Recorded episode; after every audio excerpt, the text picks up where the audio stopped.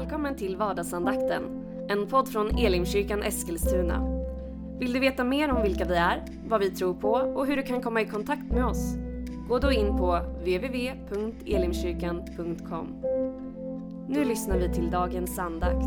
Välkommen till vardagsandakten från Elimkyrkan i Eskilstuna. Jag heter Joel Backman och idag ska vi fortsätta att läsa lite grann om det vi kan kalla för Jesu V-ord. Det är några ord från Lukas evangeliet. Återfinns också i Matteus i hans skildring av bergspredikan.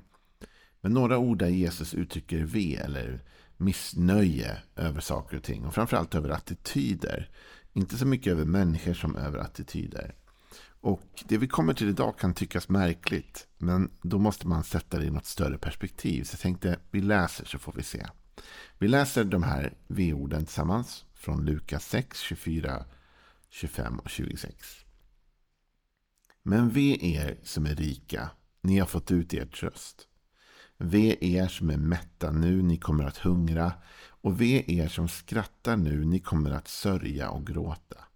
Ve er när alla människor talar väl om er, för på samma sätt gjorde deras fäder med de falska profeterna. Ve er som skrattar nu, säger Jesus. Ni kommer sörja och gråta.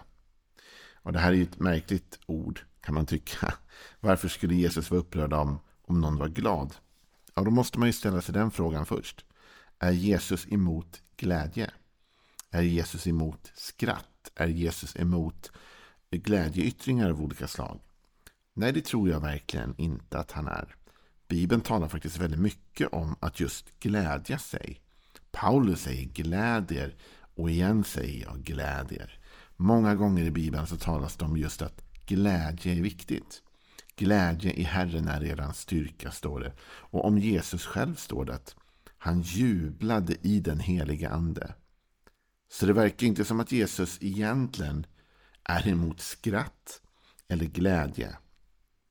Är han emot någon sorts optimism då? Jag är en väldigt optimistisk person för det mesta, även om jag har mina dagar, precis som alla andra antar jag. Men jag är överlag en ganska optimistisk människa. Är Jesus emot det, liksom det positiva glädjetänket? Jag tror inte det. Tvärtom så upplever jag att Jesus ändå, trots att han talar om svåra saker ibland och allt detta, hade en positiv syn på livet. En positiv framtidsvy.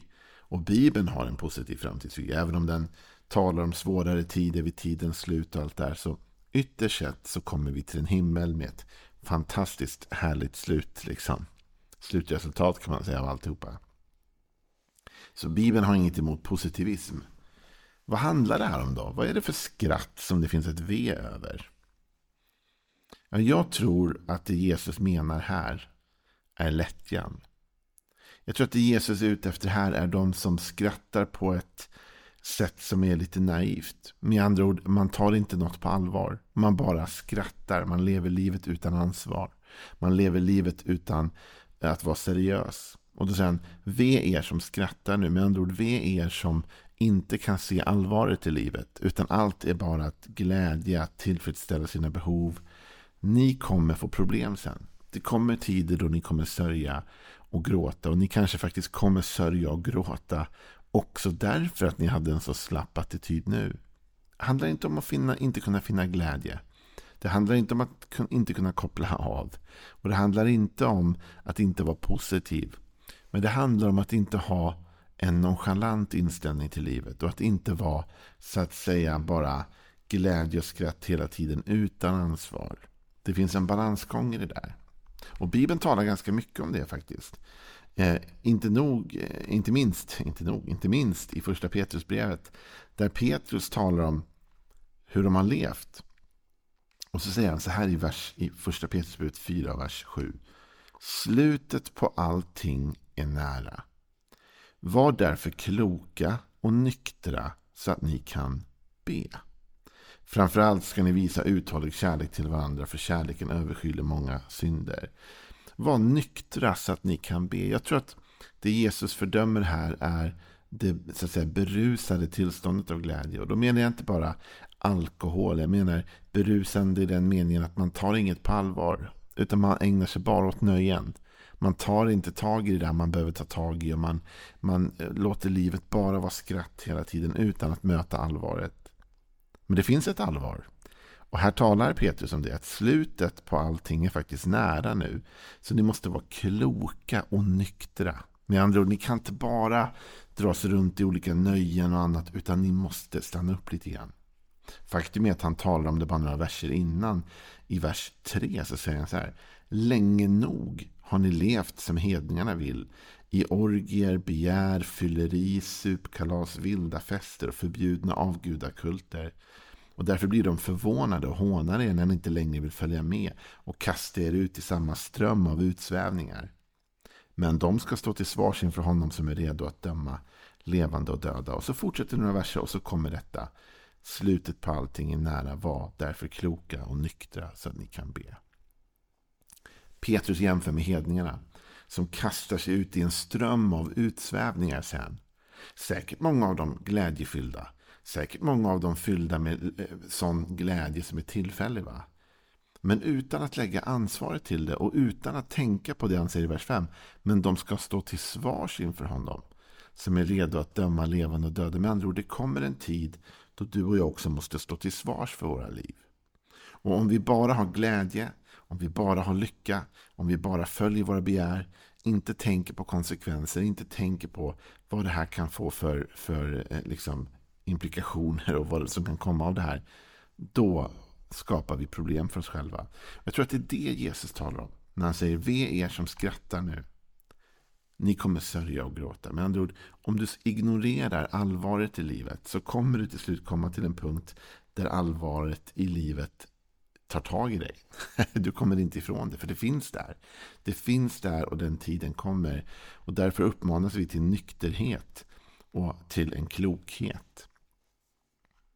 I första Korinthierbrevet eh, kapitel 15 så talar Paulus även där, eller där är Paulus som talar rättare sagt, om framtiden. Han talar om en del val han har gjort och han talar om det dödas uppståndelse och det eviga livet. Och så säger han bland annat så här då. I vers 29. Vad uppnår första Korinthierbrevet 15.29? Vad uppnår annars de som döper sig för de döda? Om de döda inte alls uppstår, varför döper sig då de då för deras skull? Och vi, varför utsätter vi oss för faror jämt och ständigt? Jag dör varje dag så sant som jag i vår Herre Jesus Kristus är stolt över er bröder. Om jag hade tänkt som människor i allmänhet när jag kämpade mot vilddjuren i Efesus, vad hade jag haft för nytta av det? Om de döda inte uppstår kan vi äta och dricka för imorgon dör vi. Låt inte bedra er. Dåligt sällskap fördärvar goda vanor. Nyktra till på allvar och synda inte. Några av er känner inte Gud. Till er skam säger jag det. Det här är en fantastisk text som jag tycker beskriver kanske det här som Jesus talar om mer än något annat. För Paulus går igenom svårigheter i Efesus. Han till och med kallar de människor som, som har utsatt honom för de här svårigheterna för vilddjur. De plågar honom, de stör honom. De utsätter honom säkert för både fysiskt våld och, och andra förföljelser av olika slag. Och så säger han, om jag hade tänkt som alla andra, säger Paulus, vad hade jag haft för nytta av det? Om de döda inte uppstår, om det inte finns en himmel, om det inte finns en dag som väntar, vad hade jag haft för nytta av det? För om de döda inte uppstår kan vi äta och dricka, för imorgon dör vi. Alltså med andra ord, om jag inte behöver ta hänsyn till konsekvenser, ja, då kan vi äta och dricka, ha roligt. Jag behöver inte tänka på morgondagen. Jag behöver inte tänka på det som kommer. Men Paulus säger, jag lever inte så, utan jag lever med en visshet om att det kommer en framtid. Och Det här handlar om det eviga livet, himmelen. Men det här kan också handla om så mycket i ditt och mitt liv. När vi tar varje dag och lever utan att tänka på konsekvenserna av vårt beteende så skapar vi framtida problem. Om jag idag vaknar och tänker jag ska bara göra det som är roligt. Jag ska bara göra sånt som är kul. Jag ska inte ta ansvar för någonting. Jag ska inte ta tag i de där sakerna jag måste ta tag i. Då skjuter jag bara mina problem på framtiden. Och Jag tror att det är det Jesus talar om. Ni som skrattar nu, ve er för ni kommer sörja och gråta sen. Alltså med andra ord, ta tag i allvaret. Våga möta det svåra. Men med glädje, absolut. Med lycka och med optimism, absolut. Jag tror att Gud vill att du ska vara glad. Jag tror att Gud vill att du ska ha ett gott liv. Men ett gott liv får man inte bara av att ignorera det som är svårt. Jag tror tvärtom att om vi ignorerar utmaningarna, om vi inte är nyktra och kloka så kommer vi upptäcka att vi får en mängd problem som vi kunde ha sluppit om vi bara hade varit lite mer eftertänksamma. Man kan ju inte bara göra det som är kul. Någonstans är väl det det som det handlar om att bli vuxen. Eller när man är barn då sätter man ofta fokus på det man vill göra, det som är roligt att göra. Och så blir man vuxen och så inser man att världen går inte runt på bara det som är kul. Om du bara gjorde det som var roligt skulle du ens gå till ditt jobb ibland. Vissa dagar skulle du göra, gå till tandläkaren. Skulle du göra olika saker som är nödvändiga? Troligtvis inte, för det är inte alltid kul. Men det är nödvändigt. Och en medveten, nykter, klok människa förstår att jag behöver göra det här. Jag behöver ta tag i det här. Någon gång måste alla städa huset och tvätta och klippa gräset och vad det nu kan vara. Och såklart finns det mycket djupare, allvarligare, allvarligare saker att ta tag i i både ditt och mitt liv. Men tanken av att våga säga det kan inte bara vara skratt. Och det kan inte bara vara det som är kul. Utan det finns någonting att ta hänsyn till här av nykterhet. Och Paulus han satte det i förhållande till evigheten. Han sa jag lever mitt liv utifrån evigheten. För hade jag inte gjort det, då hade jag aldrig stått ut med det här eländet i Efesos. Om jag inte trodde att det gav ett resultat för framtiden. Om jag inte trodde att det här kommer bli gynnsamt sen. Jag antar att du precis som jag har varit med om det där. Ni vet att någonting jobbigt händer. Och så eh, något tufft, man står inför något tufft. Men man vet att om jag härdar igenom det här, om jag tar mig igenom den här grejen, då kommer det bli bättre sen. Och så går vi igenom något jobbigt. Vi tar ett jobbigt möte eller telefonsamtal. Eller vi gör någonting och vi vet att det kommer vara jobbigt. Men om jag gör det kommer det bli bättre.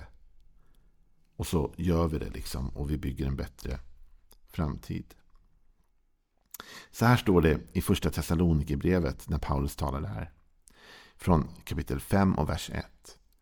När det gäller tider och stunder bröder behöver vi inte skriva till er. Ni vet själva mycket väl att Herrens dag kommer som en tjuv om natten. När folk säger fred och trygghet då drabbar undergången dem lika plötsligt som verkan hos en kvinna som ska föda och de slipper inte undan. Men ni bröder lever inte i mörker så att den dagen kan överraska er som en tjuv. Ni är alla ljusets barn och dagens barn. Vi tillhör inte natten eller mörkret. Låt oss därför inte sova som de andra utan hålla oss vakna och nyktra. De som sover, de sover om natten och de som berusar sig är berusade om natten. Men vi som tillhör dagen ska vara nyktra, iförda tron och kärleken som rustning och hoppet om frälsningen som hjälm. Och så fortsätter texten. Men här talas det om att det farligaste är ibland när folk säger fred och trygghet. När man inte ser faran utan man bara bedömer allt som bra. Det bara är skratt och det bara är glädje. Då tar man inte allvarligt på det som är en kanske utmaning. Om livet bara är skratt och aldrig allvar så bäddar vi för problem imorgon. Och det är det jag tror Jesus menar när jag ska försöka förstå vad han menar. Därför att när jag läser den här texten när Jesus säger att vi är er som skrattar nu, då vet jag att Jesus inte är emot glädje, tvärtom. Jag vet att han vill att vi ska vara glada, att glädje Herren är vår styrka, att han själv jublade, att det fanns glädje kring Jesus. Och jag förstår att det inte handlar om att vara negativ, för Jesus var överlag inte negativ. Han var faktiskt en, en positiv människa som trodde på mirakel och förändring. Men det handlar om att ändå ta saker på allvar. Att inte skjuta bort det allvarliga i tillvaron. Att våga se att det finns utmaningar och problem. Och att en del av dem måste vi ta tag i. Att en del av de sakerna kan vi inte blunda för. Utan vi måste vara nyktra och kloka. Vi kan inte bara låta oss själva dras med i alla möjliga liksom, lustar och begär och allt annat som är kul. Utan ibland måste vi göra det som är nödvändigt. På en enkel och liten och nära nivå så ser vi det i våra hem, eller hur? Man kan inte bara komma hem från jobbet och spela tv-spel hela kvällen varje kväll. Därför då blir inget gjort hemma. Då kommer du inte ha tvättade kläder, du kommer inte ha ett städat hem, du kommer inte ha ordning och reda, du kommer inte hitta dina prylar. Utan man kan spela ibland. Och man kan ha kul ibland. Och man kan få in det i varje dag. Men man måste också se allvaret i vardagen. Det är vad jag tror Jesus menar med den här. Jag kan ha fel. Du kanske har en annan tanke. Men så tänker i alla fall jag. Ha en välsignad dag. Imorgon är vardagsandakten tillbaka igen. Och då avslutar vi de här tankarna kring de här V-orden. Hej då. Har nu lyssnat till vardagsandakten från Elimkyrkan Eskilstuna. Du har väl inte missat att vi finns på sociala medier? Eller att vi varje söndag firar gudstjänst? Hoppas att vi ses där.